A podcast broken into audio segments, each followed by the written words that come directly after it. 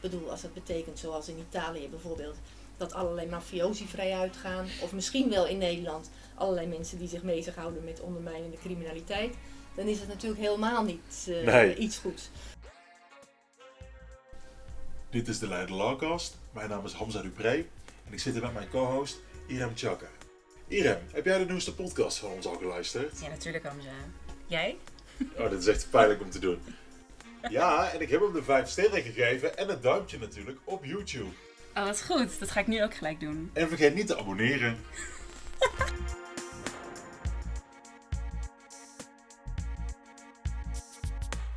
En we zitten hier samen vandaag met Miranda Bonen. We gaan het hebben over de gevangenispopulatie. Maar voordat we dat gaan doen, willen we jou vragen, Miranda, of je het wil hebben over je studententijd. Onze luisteraars zijn er vaak wel heel erg benieuwd naar.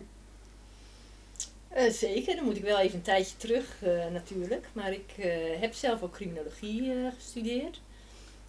Nou, ik denk dat dat, of dat weet ik wel zeker, de eerste criminologieopleiding was in Nederland. Een ingekleurde variant van de rechtenopleiding op de VU. En ehm, nou, het was ook echt wel zo dat toen ik me in het eind van de middelbare school verdiepte in wat, wat er nou mogelijk was, echt heel verrast was toen ik zag dat je criminologie kon gaan studeren en wat dat dan zo'n beetje betekende. Want ik was altijd al een beetje eh, geïnteresseerd in wat ik nu eh deviante, marginale kant van de samenleving eh, zou noemen, zeg maar. Mijn moeder noemde het destijds meer randfiguren, denk ik. Waar ik daar graag mee optrok. En, dus ik dacht, dat is het helemaal. En nou, dan ben ik daar gaan studeren. En dat was toen nog een heel klein groepje.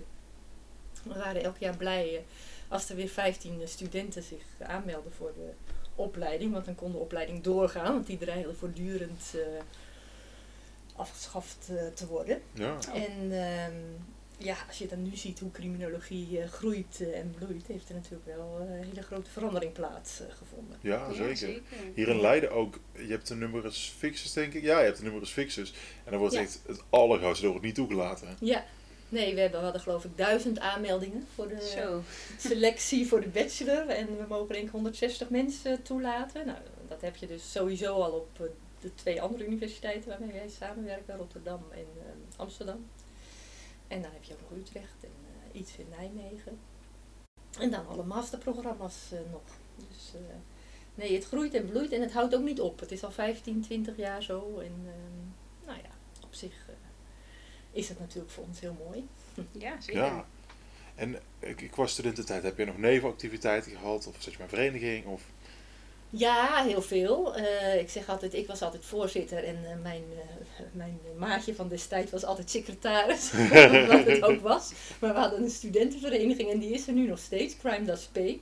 Toevallig zat ik laatst in een sollicitatieprocedure met de huidige voorzitter van Crime Does Pay. Dus toen zei Wim Huisman, hoogleraar criminologie aan de VU, van nou, dit is eigenlijk jouw opvolger, Miranda. dat was wel heel grappig.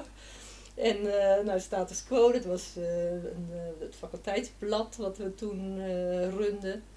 En ehm, ja, ik organiseerde van alles, ook elk jaar al een buitenlandse excursie. Grappig genoeg bedenk ik nu, omdat jullie het nu vragen, met België. Hadden we elk jaar een uitwisseling. En nu, nou, het onderzoek waar we het onder andere over gaan hebben, dat is natuurlijk ook een vergelijking Nederland-België, maar ook andere buitenlandse excursies, congressen, lezingen van alles. Ik heb nog een hele vroege foto, volgens mij uit het tweede jaar van mijn studie, samen met eh, Cyril eh Feinhout en Constantijn Kelk, mijn latere promotor. En toen was ik eh, talkshow-host. Ik snap achteraf niet hoe ik het allemaal gedurfd heb, maar... Wij zijn dan eigenlijk een beetje jouw ik opvolger. wel. Ja. ja, precies, ja. Dus ik heb ontzettend, ja, ik ben altijd gegrepen geweest door het vakgebied eigenlijk. Het heeft altijd zo goed bij me gepast en dat is altijd zo gebleven. En hoe ben je dan na je studententijd uiteindelijk hier in Leiden terechtgekomen? Eh, nou, uiteindelijk, ik ben eh, al heel snel studentassistent geworden van de, mijn hoogleraar Henk van de Bunt in, eh, aan de VU. En ehm, nou, ik was ook nog niet afgestudeerd en toen kwam ik bij het WODC terecht als onderzoeker op een project naar het Openbaar Ministerie en grote fraudezaken. Want een van de onderzoekers van het project vertrok naar de Antillen. Dus toen vroegen ze aan Henk van heb je niet nog iemand? Nou, die dacht dat ik dat wel kon. En eh, toen ben ik dus naar Utrecht eh, gegaan. Ik dacht even onder de vleugels uit van, eh, van, van, van de Bunt. Dat is wel goed voor mij. Mhm. En daar ben ik gepromoveerd. Daar heb ik ook heel lang gezeten. Was wel ondertussen bijzonder hoogleraar penitentiair recht en penologie geworden in Groningen. Ik heb altijd de juridische expertise ook altijd wel bijgehouden. Dus zowel de criminologische als de juridische expertise. En toen um, nou, op een gegeven moment gevraagd of ik hier wilde solliciteren. En dat is ja, vijf, zes jaar geleden nu, denk ik. En toen ben ik dus stoute schoenen aangetrokken en weg uit Utrecht. Waar ik me ook wel heel erg thuis voelde, maar ik heb er nooit spijt van gehad. Ik werk hier met enorm veel plezier. Ja, heel goed om te horen. Het zijn wel de namen. Feyenoord, Kelk en Van der Bunt. Het zijn, nou, ja, als je iets van strafrecht of criminologie studeert, dat zijn wel de namen die... Dat zijn binnen Nederland wel echt de grote namen. Nou, de. Ik ben ook natuurlijk... Ik heb heel veel samengewerkt met Frank Bovenkerk. Als uh, hoofddocent uh, criminologie werd ik toen weer in, in, in Utrecht daar heb ik ook enorm veel van uh, geleerd. En Chrisje Brands, als jullie dat mm wat zegt, dan weer meer een jurist, zeg maar. Daar heb ik ook veel van geleerd. Dus ik prijs me ook heel erg gelukkig echt met mijn mentoren destijds in Utrecht. Omdat ze alle drie zulke verschillende expertise, maar ook verschillende persoonlijkheden uh, hadden. Dus daar ja, heb ik heel veel van mee kunnen pikken. Nou, dat is echt heel mooi inderdaad. Um, nou, we zitten hier vandaag dus om het te hebben over de gevangenispopulatie. En je zei net al een klein beetje van we gaan het hebben over een vergelijking met België. Uh, maar voordat we dat gaan doen, is misschien de allereerste vraag: hoe zitten we er eigenlijk? Hoe is het eigenlijk met, met de Nederlandse gevangenispopulatie? Uh, ik heb het net nog weer even gecheckt. Het is wel iets wat voortdurend verandert. Dus dat zijn de SPACE, Penologische Statistieken van de Raad van Europa. En uh, ik zag dat zelfs uh, Andorra ons nu voorbij is gestreefd. Want op dit moment hebben wij dus in Nederland een hele lage detentiepopulatie, noemen we dat dan. Mm -hmm. Dus een heel laag aantal gedetineerden per 100.000 inwoners. En Liechtenstein die is dan nog lager. En als ik het goed zag, komen wij dan met zo'n 58 gedetineerden per 100.000 inwoners. Nou ja, het gemiddelde in Europa dat is, ligt toch zeker wel rond de 100. Ik denk zelfs nog iets daarboven. Oh. En als we onszelf dan vergelijken met, uh, nou ja, om dan maar gelijk naar de Verenigde Staten te gaan of Rusland, dan, ja, dan is dat natuurlijk een heel laag aantal gedetineerden als je het even alleen daarover wilt hebben. Um, dus dat is de situatie op dit moment. En is dat goed of slecht? Of? Ja, dat ligt er maar helemaal aan wat voor perspectief je het bekijkt.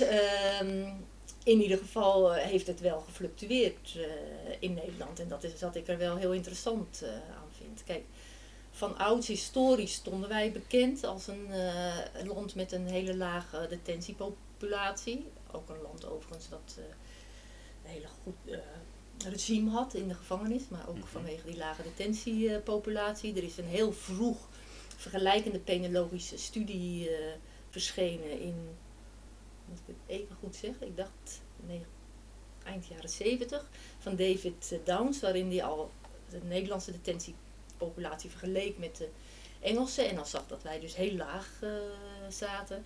En dat eigenlijk verklaarde um, door wat hij toen al noemde Dutch tolerance, soort pragmatische tolerantie ten opzichte van afwijkend deviant uh, gedrag eigenlijk. Dat was een van zijn grote verklaringen. En de andere verklaring was dat resocialisatie toch wel een hele belangrijke rol speelde in Nederland sinds de Tweede Wereldoorlog. En eigenlijk in alle gremia van de strafrechtspleging. En in ieder geval in die tijd, hè, de kritische criminologie had je natuurlijk, het abolitionisme was een uh, belangrijke stroming, hadden we het in het voorgesprek uh, al even mm. over. Ehm, nou ja, werd dat toch als een belangrijk, of als een sterk punt gezien eigenlijk. En dat is denk ik nog steeds zo, omdat daar zullen we het misschien later ook uh, over hebben. Maar ja, als je allerlei sociale problemen oplost in je samenleving, resulteert dat vaak in dat je een vrij lage detentiepopulatie hebt. Dus dat is historisch zoals wij bekend staan. Toen is er een periode geweest uh, tussen zo halverwege jaren 80 en 2005. Dat weet ik heel precies, omdat ik na precies die periode ook een studie heb verricht destijds samen met Martin Moerings. En toen is de detentiepopulatie in Nederland heel hard gestegen. Vier, vijfvoudigd wel. Als je kijkt naar het aantal gedetineerden per uh, eh, 100.000 inwoners. Ik denk dat wij op het hoogtepunt op zo'n 130, 40 gedetineerden zaten. Zo, wat meer dan het dubbele dan nu. In een, ja, dat was, maar dat was eigenlijk een vervijfvoudiging van ten opzichte van de periode daarvoor. En ik weet nog wel dat eh, Michael Tonney, een belangrijke Amerikaanse criminoloog, eh, toen ook het congres van de European Society of Criminology opende met een lezing die dan als vraag had van gaat Nederland dezelfde kant op als de Verenigde Staten? Nou ja, dat was natuurlijk wel een beetje valse vraag, want uiteindelijk was onze detentiepopulatie nog steeds maar een vijfde van wat toen in Amerika de detentiepopulatie was. Maar goed, wel van wat gebeurt er in uh, Nederland? Dat was dan echt een vraag wat ook de, die ook de internationale criminologie uh, bezig hield. En daar heb ik toen dus die studie uh, naar verricht. En toen kwamen we eigenlijk tot de conclusie dat het dus ook afhangt van wat je onder die detentiepopulatie rekent. Oh, ja. Mhm. En dat maakt het ook vanuit ja, meer methodologisch, technisch perspectief, zou je kunnen zeggen, zo'n interessant studiegebied. Want natuurlijk ja, hangt het ervan af, wat versta je dan onder die detentiepopulatie? En als je daarna preciezer gaat kijken, zie je ook dat er hele grote verschillen zijn tussen landen wat ze daaronder stonden. En wij rekenden daar toen ook bijvoorbeeld de TBS-populatie bij.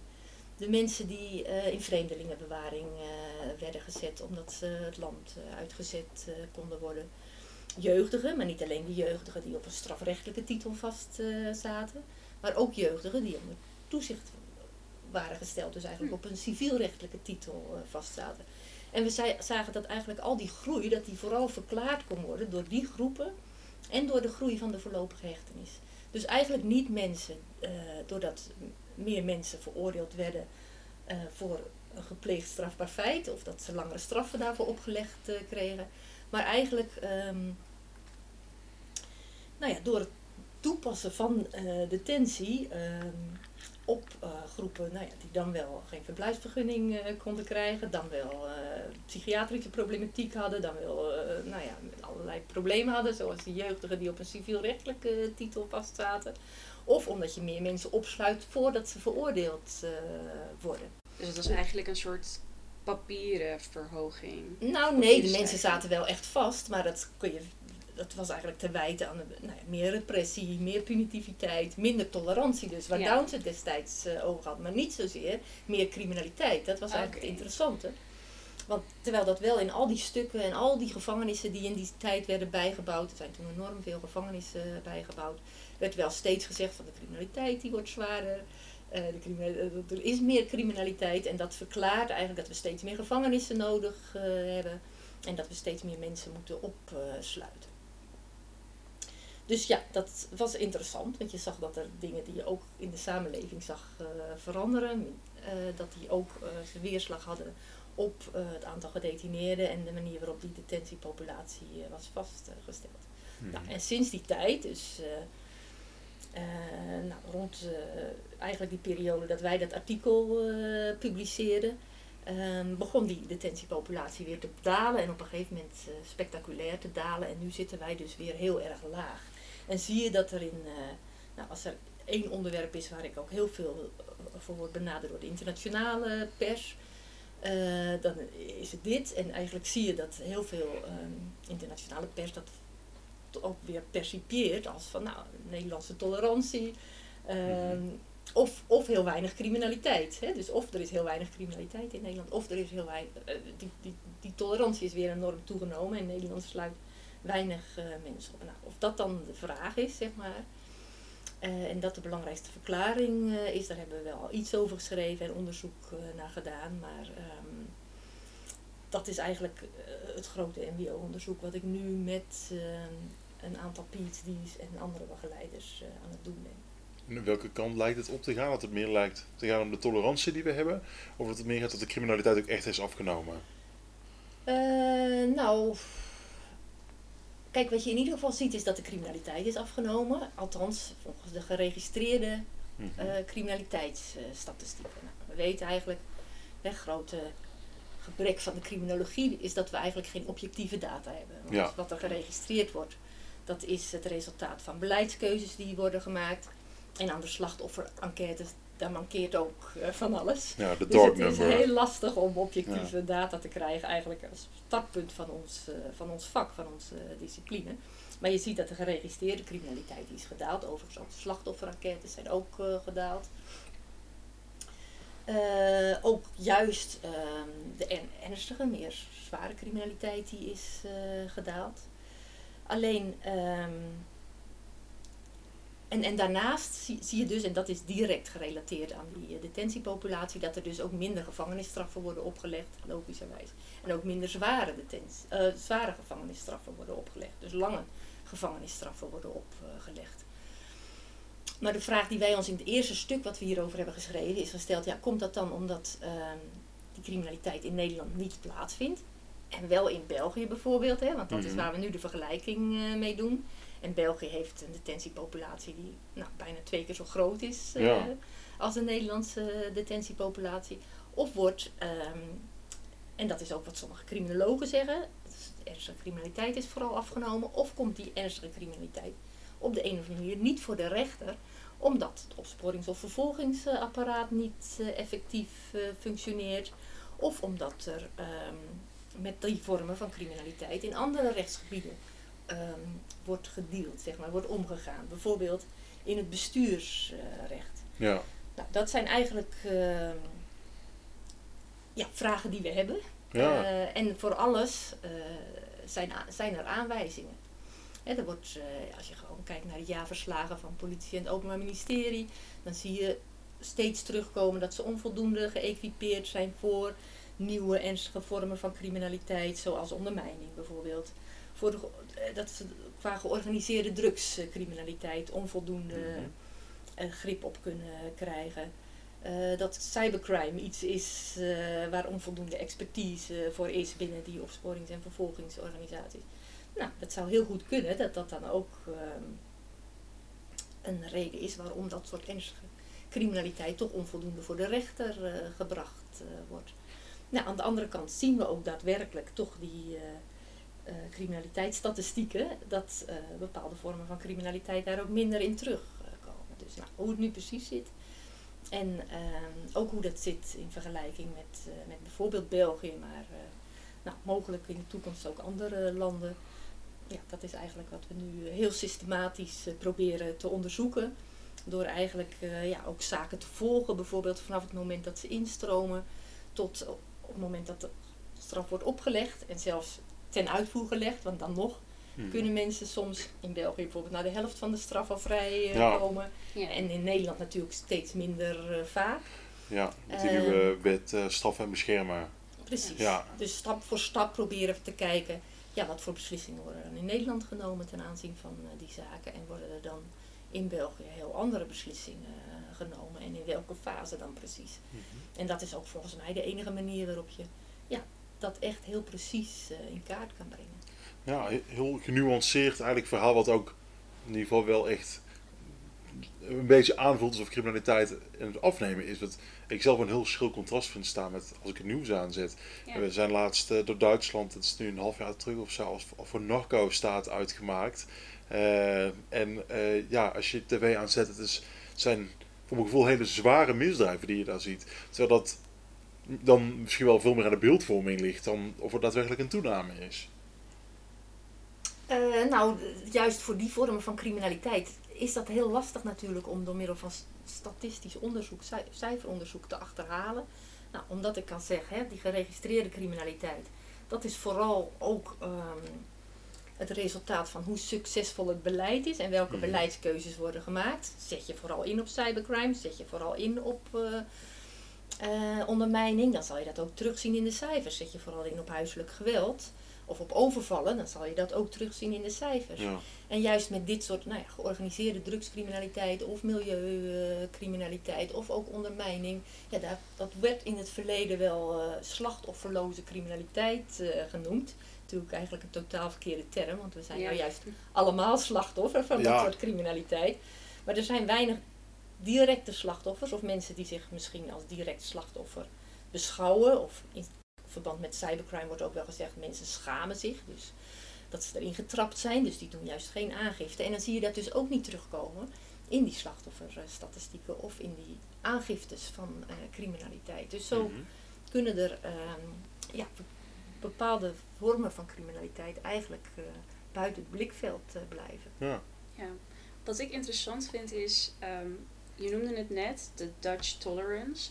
Maar als, um, als ik het nieuws bekijk, naast wat jij net zei, Hamza, met uh, een enorme hoeveelheid criminaliteit op het nieuws. Ik denk dat het ook deels is omdat we het gewoon allemaal heel interessant vinden. en lekker makkelijk weglezen. En leuke series van te maken. Ja, hele podcasts ook over. Ja. Maar ehm, wat je ook vooral ziet, is dat de politiek en de samenleving eigenlijk niet heel tolerant is naar criminaliteit toe. Dus dat we dan Ja. internationaal spreken over Dutch tolerance. Ja, we dat nou ja, dat was de term van Downs dus eh, eind jaren zeventig. Dus ik, dat, dat, dat wordt op die manier denk ik niet meer eh, gebruikt.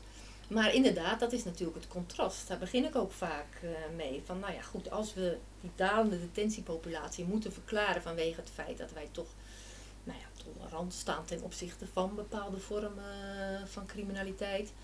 Dan kan je dat inderdaad niet, zeker niet ruimen met ehm, nou ja, steeds hogere maximumstraffen voor bepaalde delicten.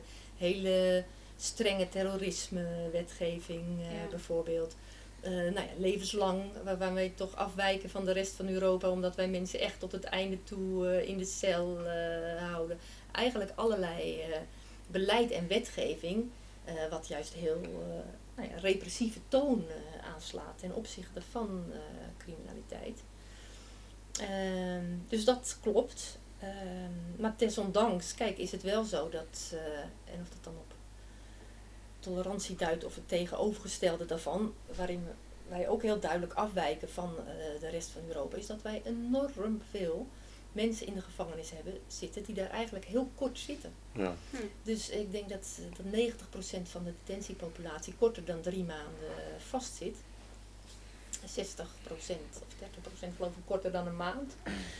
Ehm, en dat zijn dus niet allemaal mensen die dus tot die korte, korte straffen veroordeeld zijn, maar het zijn ook heel veel mensen die ehm, eh, bijvoorbeeld voor, vanwege voor, voorlopige hechtenis eh, vastzitten Mhm. of die een geldboete niet hebben betaald en dan eh, nou, een paar dagen of een paar weken de vervangende hechtenis eh, uit moeten zitten. Heel veel mensen die heel kort eh, vastzitten. Ehm, als je dat vergelijkt met België is dat ook weer heel gek, want daar is iedereen met een straf korter dan drie maanden, die zit die eigenlijk buitenuit met een elektrische enkelband, een elektronische enkelband.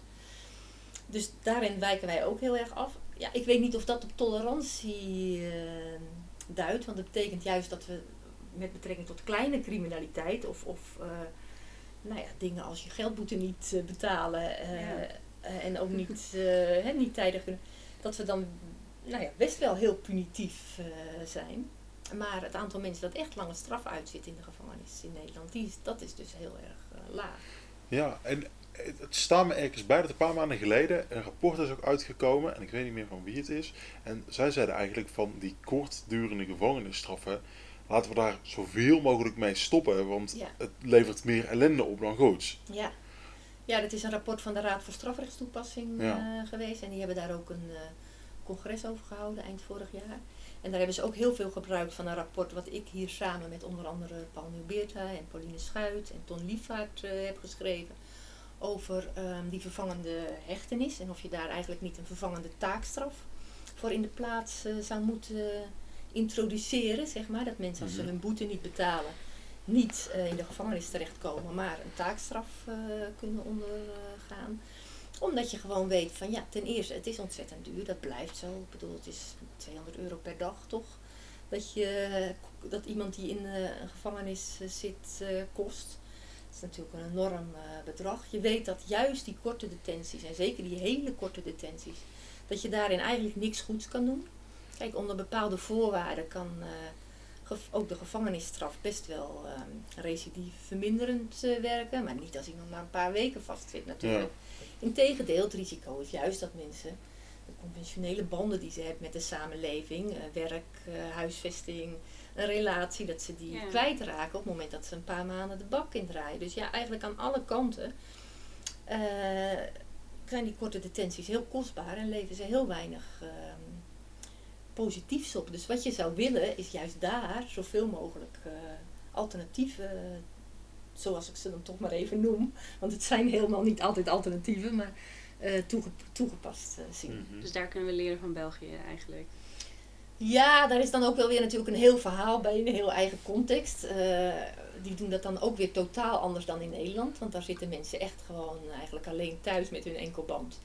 Zonder enig programma of zonder enige ambitie dat, eh, dat ze dan ook iets leren van die periode, dus zonder enige begeleiding of wat dan ook. In Nederland gaan we eigenlijk heel anders om met die, uh, met die enkelband, want daar zeggen we juist, dat doen we bij een straf. En we proberen juist dan die enkelband te gebruiken om beter zicht te hebben op wat mensen nu eigenlijk doen. Om ze geleidelijk aan de vrijheid uh, te laten wennen, om ze ondertussen naar school te laten gaan of werk te laten doen. Dus daar gebruiken we die enkelband juist eigenlijk in een hele reïntegrerende context. Dus ik zou niet zeggen dat we nou per se direct van België zouden moeten leren. Maar misschien in sommige opzichten ja, zou je gewoon zo'n kale enkelband, zoals we dat dan noemen, dus zonder enige begeleiding of behandeling, toch wel veel beter in de plaats kunnen laten komen van die hele korte detenties. Maar er zijn allerlei andere mogelijkheden ook uh, natuurlijk. En dat is nou ja, taakstraffen, uh, voorwaardelijke straffen. En dat doet men natuurlijk en probeert men ook allemaal wel, maar het is de laatste tijd toch heel erg beperkt door, uh, als jullie dat iets zegt, uh, de wet beperking taakstraf of zo, die ja. in 2009 is ingevoerd. Is dat met het taakstrafverbod? Ja, taakstrafverbod, dat, ja. dat is de volksmond uh, inderdaad. En het is recent nog uitgebreid voor mensen die, of is die, wat zit ik even te twijfelen of die wet nou al door de Eerste Kamer is. Maar niet, voor hulpdiensten? Ja, die is er doorheen. Ja, is er doorheen, ja. ja. Dus Als je een uh, politieagent of een uh, brandweerman uh, ja. hoekt, dan... kom je dus ook niet meer in aanmerking voor een taakstraf. En met name is dat heel fnuikend, denk ik, voor de groep die al eerder een taakstraf heeft gehad in een periode van vijf jaar. En dus dan, er zijn nogal wat recidivisten, maar op het moment dat hij opnieuw een strafbaar feit pleegt, dan niet meer zo'n taakstraf opgelegd mag krijgen van de rechter. Dus er zijn eigenlijk ook allerlei tendensen die juist uh, ertoe leiden dat die taakstraffen voor die hele korte detenties veel minder wordt opgelegd. En ja. hoe zit het eigenlijk met de recidive van deze mensen die kort zitten? Die is dus ook heel hoog. Die is over het algemeen hoog. Wel iets lager geworden in de afgelopen tien jaar of zo. Uh, dus dan heb ik het over recidive van mensen die de gevangenis uh, uitstromen. Maar je ziet wel dat um, die recidive lager is voor mensen die een straf van langer dan een half jaar hebben gehad. Dan mensen die uh, straf korter dan een half jaar hebben gekregen. Of eigenlijk, als die heel kort is, zie je dat die recidive nog uh, hoger is. En dat komt eigenlijk uh, door de, wat ik net zeg. Van, eigenlijk kan je weinig positiefs doen in de korte tijd dat mensen vastzitten. Hmm. Ja, we leven ook in een bureaucratie. Het is allemaal heel ingewikkeld. Maar als je ervoor wil zorgen dat mensen, als ze uit de gevangenis stromen, wel een baan hebben Um, wel huisvesting uh, hebben, paar basisvoorwaarden of tenminste een uitkering. Nou, dan heb je meer tijd nodig. En het andere is dat ja, die groep die die korte detenties krijgt, kijk, die krijgt niet voor niks die korte detenties natuurlijk. Het is niet zo dat die rechters dom zijn of zo, die willen echt wel andere dingen met die groep. Maar het zijn de groep die psychische problemen heeft, die uh, geen verblijfsvergunning uh, heeft in Nederland die um, heel, veel, heel veel financiële problemen ja. heeft, verslaafd uh, is. En dat is ook, ja, dat noemen we wel draaideurcriminelen. Dat is natuurlijk ook de groep die altijd heel snel uh, weer terugkomt uh, in detentie. Ja, maar ja, ik heb hiervoor ook criminologie gedaan. En wat je ook best wel wordt benadrukt met dit soort dingen, is het van ja, je, je kan ze in een cel stoppen, maar als ze eruit komen, is het niet in één keer alsof de factoren waarom zij de criminaliteit in zijn gegaan, zijn opgelost. Nee, in tegendeel dus. Dat ja, heel goed dat verergert alleen maar. Ja. ja, en tijdens ons voorgesprek zei jij iets, Miranda, en ik ga nu parafraseren, en als ik helemaal de mist in ga, dan mag je me nu rectificeren. Je zei iets in de trant van, de gevangenispopulatie is een afspiegeling van de maatschappij. Klopt dat? Ongeveer? Ja, dat zijn wel uitspraken die uh, nou ja, door allerlei andere grootheden gedaan zijn. dus dus de, de, uh, iedere samenleving krijgt krijgt de criminaliteit die hij verdient. Zei Jack van Wering al, hè, oud-criminoloog aan de Universiteit uh, van Amsterdam. Of inderdaad um, dat uh, de, de, manier waarop een samenleving met zijn gevangenen omgaat, ook eigenlijk de mate van sociaalheid van die samenleving. Ja, barmhartigheid. Ja. En, en, en, en natuurlijk, het is nat uiteindelijk natuurlijk um, de groep die laagst aan de socia eh, onderaan de sociale ladder uh, staat. Dus nou, iets in die zin van dat er een relatie is tussen hoe je daarmee omgaat en hoe menswaardig je samenleving eigenlijk is. Dat is denk ik heel erg uh, logisch dat dat zo is. Als je op een goede, nou ja, menswaardige manier met je gedetineerden omgaat, dan zegt dat ook iets over hoe een samenleving met zijn burgers eh, omgaat. En tegelijkertijd zie je ook problemen die je in je samenleving hebt, zie je vaak weerspiegeld in de detentiepopulatie. En ik zei al van ja, dit, je vroeg helemaal aan het begin van het gesprek, dan is een lage detentiepopulatie, is dat iets goeds? Nou, het lijkt me helemaal aan de context waarin je daarnaar kijkt. Ik bedoel, als dat betekent zoals in Italië bijvoorbeeld, dat allerlei mafiosi vrij uitgaan, of misschien wel in Nederland allerlei mensen die zich bezighouden met ondermijnende criminaliteit, dan is het natuurlijk helemaal niet eh, Nee. iets goeds. Maar als eh, het betekent dat je veel van de sociale problemen die je terug ziet komen in de gevangenis, verslaving, eh, psychiatrie, migratiebeleid, op een andere manier hebt opgelost in je samenleving, dan is het wel goed. En er is ook wel door met name Fins eh, onderzoeker heel veel statistisch onderzoek gedaan naar eh, sociaal klimaat of sociale welvaart in een samenleving. Dus wat is het bruto nationaal product? Ehm, eh, wat- op welke manier zijn uitkeringen geregeld? Hoe eh, veel vertrouwen hebben burgers in eh, bepaalde instituten in hun samenleving? En dan een relatie gelegd met eh, criminaliteit en fluctuaties. eh, of nee, met de detentiepopulatie.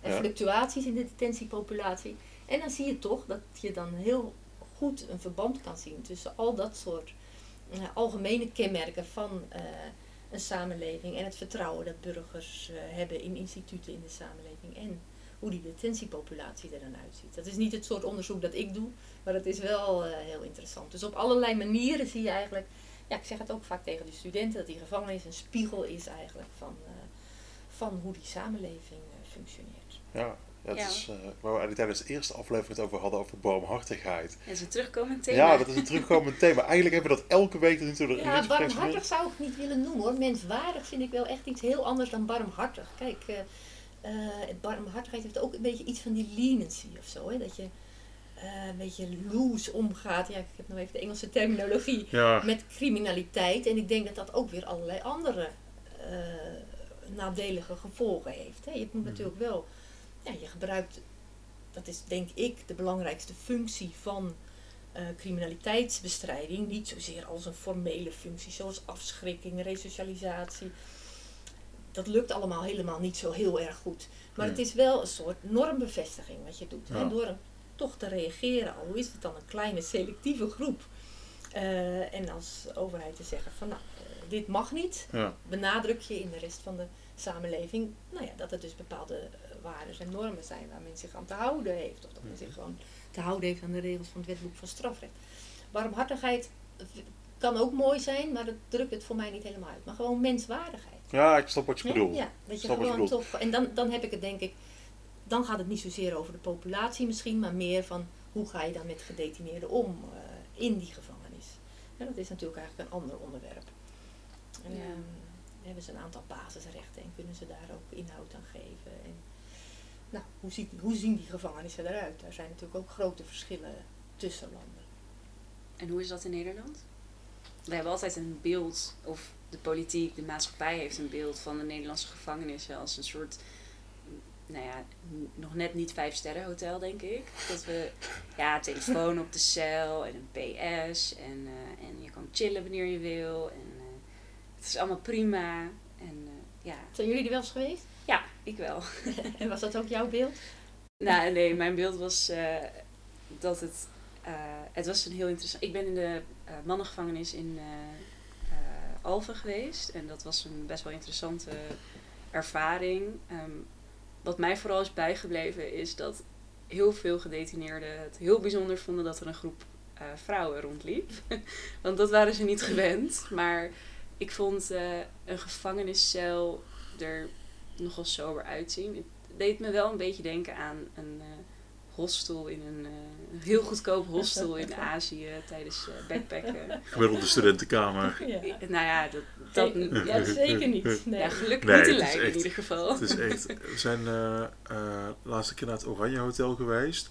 En toen, ik dacht dat, dat na de Tweede Wereldoorlog dat daar niemand meer zat. Maar daar hebben nog heel veel mensen vastgezeten. Het zei ze op een gegeven moment, ja, een paar jaar geleden.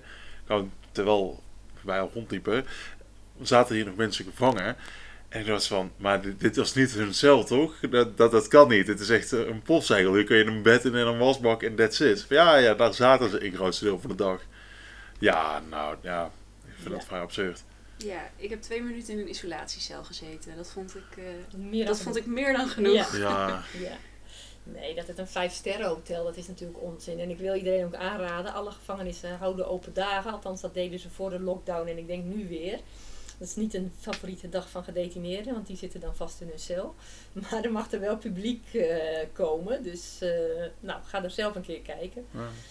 Ehm, kijk, ik vind het verschrikkelijke orde. Misschien dat dat ook ergens mijn eh, interesse in of fascinatie met die totale instituties, gevangenissen verklaart. Dat ik, ja, het lijkt mij verschrikkelijk mijn vrijheid eh, verliezen. Maar goed, hoe doet Nederland het eh, in vergelijking met de rest van de wereld? Ik heb heel veel geleerd van een aantal eh, vergelijkende, internationaal vergelijkende studies naar detentie. En dat kon heel makkelijk in Nederland, omdat we in Tilburg heel lang een groep Belgisch gedetineerden gehuisvest eh, hebben. Vanwege het cellen overschot hier eigenlijk en het cellentekort in België. En een, nog maar tot heel recent ook in Norgerhaven eh, een groep Noorse gedetineerden Ja. gehuisvest eh, hebben. Ook omdat wij dus eh, cellen over hadden en Noorwegen vond dat ze op dat moment cellen tekort had. En ehm, nou ja, ik denk in het algemeen dat je dan hoorde dat die Belgische en Noorse gedetineerden met hun ervaring uit die andere landen toch wel heel erg te spreken waren over een Nederlandse detentiesituatie. En met name heel erg over de manier waarop ze bejegend werden. Is een typisch Nederlands eh, woord, behandeld, kan je ook zeggen, door het personeel. Dus de relatie tussen eh, gedetineerden en personeel. Nou, Alison Liebling, mij bewonderde onderzoekers uit, eh, uit Cambridge, die ook heel veel over gevangenis heeft geschreven. Die zegt altijd, ehm, de relatie gedetineerde personeel, dat is eigenlijk het hart van een gevangenis. En dan zie je dat Nederlands personeel eigenlijk heel goed is met het, in het ehm, ja, goede relaties onderhouden met gedetineerden. En een soort, ik, ik weet niet of jullie dat is opgevallen, maar je, als je een gevangenis binnenstapt en dan komt gedetineerden en personeel elkaar tegen, die hebben iets amicaals. Hè? Pietje dit, Jantje dat, hey, heb je je vrouw nog gebeld gisteravond? Hoe is het? Heb je nog gesport? Ze zitten soms samen in de sportschool of staan een sigaretje te roken eh, samen op de binnenplaats. Dat is ook niet wat je verwacht eh, in een gevangenis. En dat is iets waar, eh, ja, wat in ieder geval heel erg gewaardeerd wordt. ehm, ja, meer dus door buitenlandse gedetineerden, omdat die het verschil zien Ja.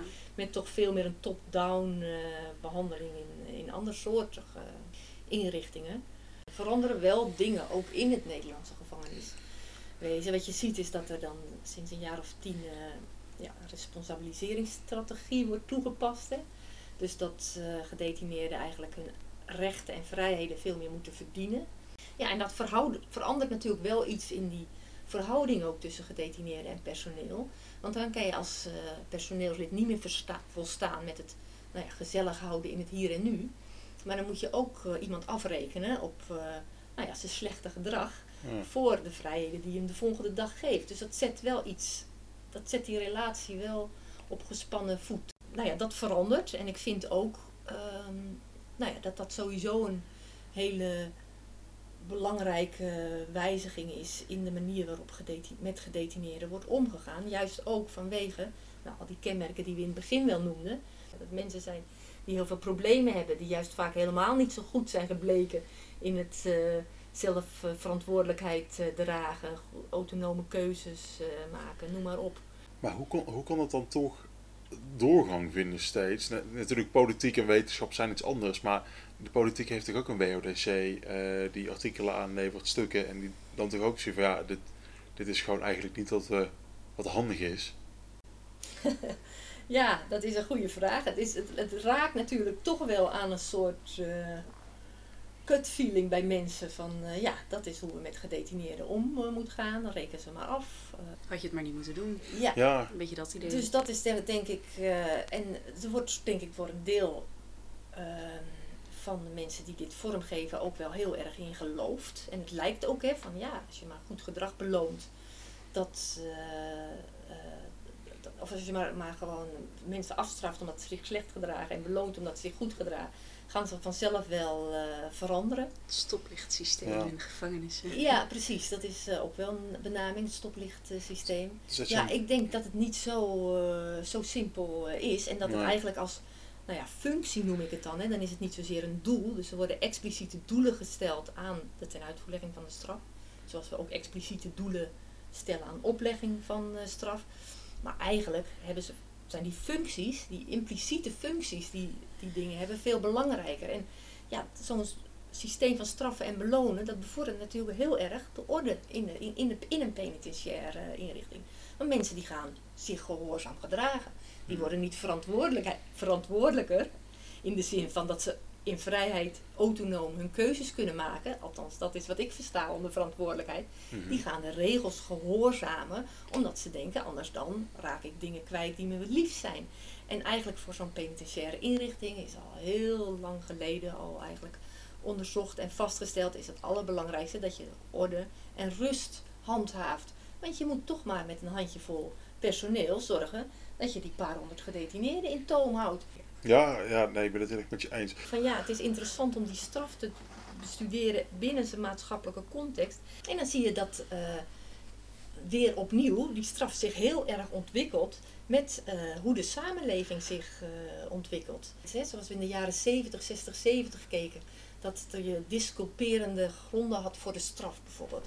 Als mensen nou, arm waren of uh, geen werk hadden of um, uit een slecht gezin kwamen, dan waren dat de redenen eigenlijk om ja, minder straf op te leggen. Want tenslotte, mm. iemand had minder schuld. En schuld is de grondslag van het straf opleggen. Mm. Terwijl nu zie je dat die hele actuariële benadering veel um, dominanter is geworden, het, echte, het eigenlijke risicodenken. En dan zie je dat precies diezelfde factoren eigenlijk veel meer ertoe leiden dat we denken van nou moeten mensen maar opsluiten, moeten maar uh, Wat ze zorgen dat ze, ja, dat ze niet uh, opnieuw een strafbaar feit kunnen plegen. Omdat al die factoren die misschien wel disculperend werken, ook tegelijkertijd risicoverhogend uh, werken. Een soort van ja. niet meer oplossen en een soort uitstel van executie. Want als een persoon vijf jaar zit, dan duurt het nog vijf jaar voordat hij eventueel weer iets gaat doen. Meer risicomanagement. Maar is het dan ook zo dat, want we hebben het nu over de kansarme samenleving, mensen uit de samenleving die wat minder kansen hebben in hun leven. Maar we hebben ook, er zijn ook typische delicten voor wat meer ja, kansrijke mensen dan eigenlijk. Ik denk dan bijvoorbeeld aan witwassen. Dat gebeurt wel veel, denk ik. Bitterbordencriminaliteit, waar we het net ook even over hadden. Zien we daar ook verschillen in de gevangenis? Dat mensen die kansrijk zijn minder vaak alsnog gestraft worden? Of dat ze sneller de eh, gevangenis ja, uitkomen? zeker. En dat was al toen ik, ik heb mijn, mijn, mijn scriptie over wittebordencriminaliteit geschreven toen ik afstudeerde. En toen, kijk, dat zit ook een beetje inherent in het systeem, vind ik. Ik bedoel niet dat ik het daarmee goed praat, hè? helemaal niet. Maar het is wel logisch als je gewoon naar de dynamiek van het strafrecht kijkt, waar het subsidiariteitsbeginsel bijvoorbeeld heel belangrijk is. Het, de gevangenisstraf ultimum remedium uh, is. En het is natuurlijk vaak zo dat uh, ja, mensen die wel een uh, goede positie hebben in de samenleving, ook hoge boetes kunnen betalen bijvoorbeeld. Alleen al in het systeem zit een mechanisme dat maakt dat ehm, nou ja, mensen die aan de bovenkant van de samenleving zijn, minder snel in die gevangenis zullen belanden. Goed, dat, dat is denk ik wel gemeengoed onder penologen, in ieder geval in de hele westerse wereld, dat die gevangenis, dat is toch ja, een plaats voor ehm, kansarme mensen. Ja, wat ik daar ook nog interessant aan vind, is dat als je voor de rechter komt, dat de rechter eigenlijk altijd jouw persoonlijke omstandigheden moet meewegen. Maar als jouw persoonlijke omstandigheden zijn dat je thuis zit en eigenlijk helemaal niks doet, omdat je gewoon die kansen niet hebt, dan is het minder erg als je de gevangenis inkomt om de een of andere reden. Terwijl als je de gevangenis inkomt en dat zou betekenen, dat zijn dan vaak wel bij wat kleinere straffen, maar zou het betekenen dat je je baan kwijtraakt, dan is de rechter minder snel geneigd om jou die gevangenisstraf op te leggen. Ja, Kijk, en dat kan je als heel onrechtvaardig beschouwen. En in zekere zin is het ook onrechtvaardig. En tegelijkertijd zeg ik ook van dat zit gewoon in het strafrecht. Inherent in het strafrecht. En het is ook zo dat wij. Ehm, nou ja, dat, dat je dat soort persoonlijke omstandigheden mee moet wegen. Kijk, en dat is wel waar ik een aversie tegen heb.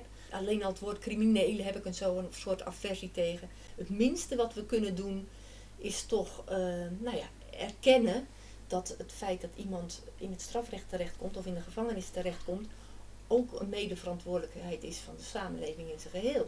De afgelopen kabinetsperiode was uh, waren er denk ik eh, niet veel mensen die er, die er met lof over konden spreken. Hoe Nou, er zijn heel veel mensen, die, weinig eh, politieke partijen meer, ook politi- politici meer, wat je vroeger wel zag, zelfs van de VVD. En eh, nou ja, dan, dan, dan werd dat ook algemeen erkend, dat je eh, goed om te gaan hebt, ook met je gedetineerden, dat ook burgers zijn, noem maar op. Dat was heel erg gedachtegoed uit die tijd. En er is nu geen politieke partij meer die het voor die groep eh, op durft te, te nemen. Nee, je zelfs- zelf half crimineel van worden. Ja, zelfs ook vrij linkse partijen, Nee. die daar wel van vroeger uit zijn meer Nee. onbekend stonden, die hoor je daar eigenlijk niet meer over. Jan de Wit van de SP, die schreef wel eens een zwart, zwart boek over gevangenissen. Dat is toch nog niet zo heel lang geleden. Maar dat, eh, dat zie je eigenlijk toch heel weinig eh, terug. De tijd is echt voorbij gevlogen. Ja, Maar we moeten denk ik gaan afronden. Ja, ik- denk het wel. Inderdaad, we hadden tijdens het voorgesprek eh, zei je nog van, nou ja, ik weet niet zeker of we een uur vol krijgen, maar ja, Het is vol. Gelukkig. ja we zijn er echt eh, makkelijk aangekomen. Eh, ja, dus eh, nou, we gaan maar afronden dan. Ehm, wij ronden eigenlijk altijd onze podcasts af met eh, de wijze woorden van onze gasten. Ehm, en dat hebben we je ook al aangegeven, dus je hebt er even over kunnen nadenken. Ja. Maar eh, aan jou het woord.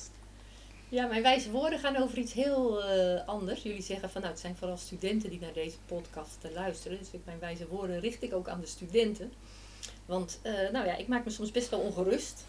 sinds de lockdown. Nou, we zijn nu allemaal weer fysiek aan het lesgeven. Maar waar zijn de studenten in de eerste plaats? Hè? We zien ze veel minder op het college dan dat we ze daarvoor zagen. Nou, soms is er ook de mogelijkheid om online deel te nemen, maar dan zie ik toch ook vaak dat de camera's uit zijn, dat er heel weinig eh, in de chat eh, wordt gezet. Ik vind het lastig. Ik bedoel, ligt het aan ons? Eh, ligt het aan jullie? Ik denk dat wij allemaal gewoon heel graag zoveel mogelijk contact willen met onze studenten. En ja, ik wil je ook echt aanraden, wees gretig. Probeer toch, ondanks de slechte tijd die een aantal van jullie misschien hebben gehad, probeer toch zoveel mogelijk uit die studie te halen door ehm, ja, hoe slecht het college misschien ook is wat je krijgt, of hoe saai het boek of het artikel wat je moet bestuderen. Doe jezelf niet tekort, hè, Zelf. Miranda. hè? Ja, maar probeer zelf vragen te stellen. Probeer zelf te zien van wat vind ik er nou interessant. En probeer verbindingen te leggen tussen vakken, tussen datgene wat je zelf eh, meemaakt. Wees gretig, dat is eigenlijk eh, mijn wijze woorden. En als wij je daarbij kunnen helpen, kom naar ons toe. Nou, jullie horen het. Heel erg bedankt voor je Ja, tijd. dankjewel. Graag gedaan. Eh, beste luisteraar, wij hopen dat je weer met veel plezier hebt geluisterd naar deze aflevering. En voor iedereen die geïnteresseerd is in de gevangenispopulatie en hoe dat er nou aan toe gaat. NPO heeft een hele interessante documentaire genaamd Bewaarders. Dus check dat vooral even. Vergeet ons natuurlijk niet te volgen via @leidenlaw en abonneer je op de podcast. Eh, volg ons op Spotify. En nogmaals, vergeet de 5 sterren niet. Tot de volgende keer. Leiden Lawgast, 5 sterren en verdacht vermakelijk.